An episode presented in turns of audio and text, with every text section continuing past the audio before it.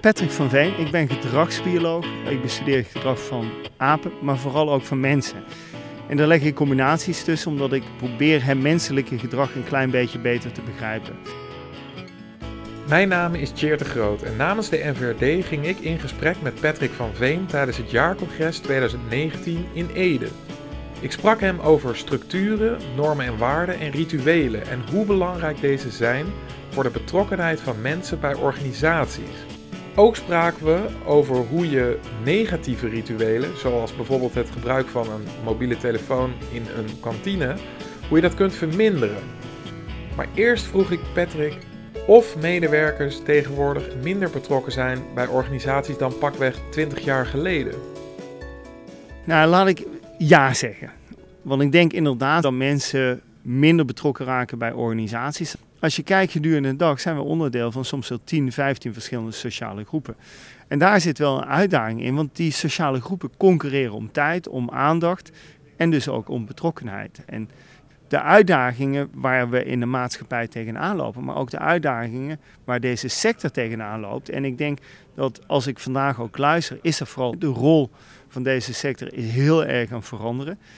En dat betekent ook dat je ja, de mensen die werken in een organisatie op een andere manier met die organisatie, maar vooral ook met de burger, met de klant om moeten gaan. Ja, en daar heb je betrokkenheid voor nodig. Dus enerzijds sociale structuur die verandert, maar anderzijds ook de rol van het bedrijf die verandert, waar die betrokkenheid eigenlijk ook voor nodig is. Je sprak ook over het uh, vormen van gezonde teams. Hoe doe je dat? Nou, als je een goed team wil vormen, heb je drie dingen nodig. Eerste is structuur, tweede normen en waarden en derde is rituelen. En de structuur, dat is de rollen, dat zijn de taken, dat zijn de, de, de doelstellingen. Wat, wat, ja, wat is ons doel? Um, normen en waarden is dat we ook over hetzelfde spreken. Normen en waarden is dat als ik even gewoon uh, uh, heel hard doorwerk, dan verwacht ik ook dat mijn collega dat doet. Of als mijn collega een rotdag heeft, dan wil ik vandaag wel een klein beetje harder lopen dan mijn collega. Uh, als je een afspraak hebt, dat die afspraak ook daadwerkelijk staat en wat de context van die afspraak is. Dat zijn normen en waarden. Maar rituelen, dat zijn de kleine dingen die zorgen dat we een gemeenschappelijk gevoel hebben. En rituelen, dat kan zijn dat je dezelfde kleding draagt.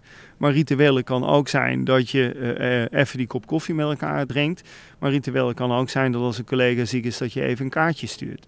Rituelen gaat heel ver. Uh, maar is wel ontzettend belangrijk in die driedeling van structuur, normen en waarden en rituelen. Een van de rituelen volgens mij die je ook noemde was uh, de kantine. Waar uh, nu niet meer wordt gekletst, maar waar op de mobiel wordt gekeken om zo in andere structuren terecht te komen. Dat zou je een negatief patroon kunnen noemen. Hoe zou je zo'n patroon kunnen veranderen? Dat mensen weer echt met elkaar in gesprek raken en dus die groep vormen.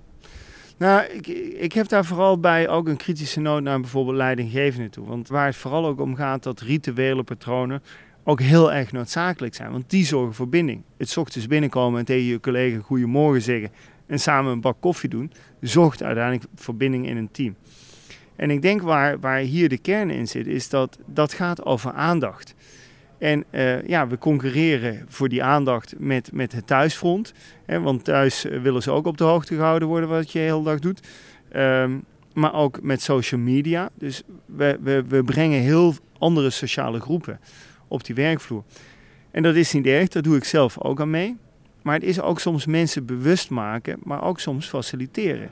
Ik kom letterlijk in organisaties waar men de ouderwetse kantine heeft afgeschaft, omdat men denkt, ja, mensen hebben toch contactmomenten. Uh, waar het wegbezuinigen of om andere reden de koffiecorner weg te halen of de koffiepauze, dat daardoor ook ja, momenten uh, verdwijnen waar mensen even aandacht kunnen hebben. En wat is dan de rol van een leidinggevende?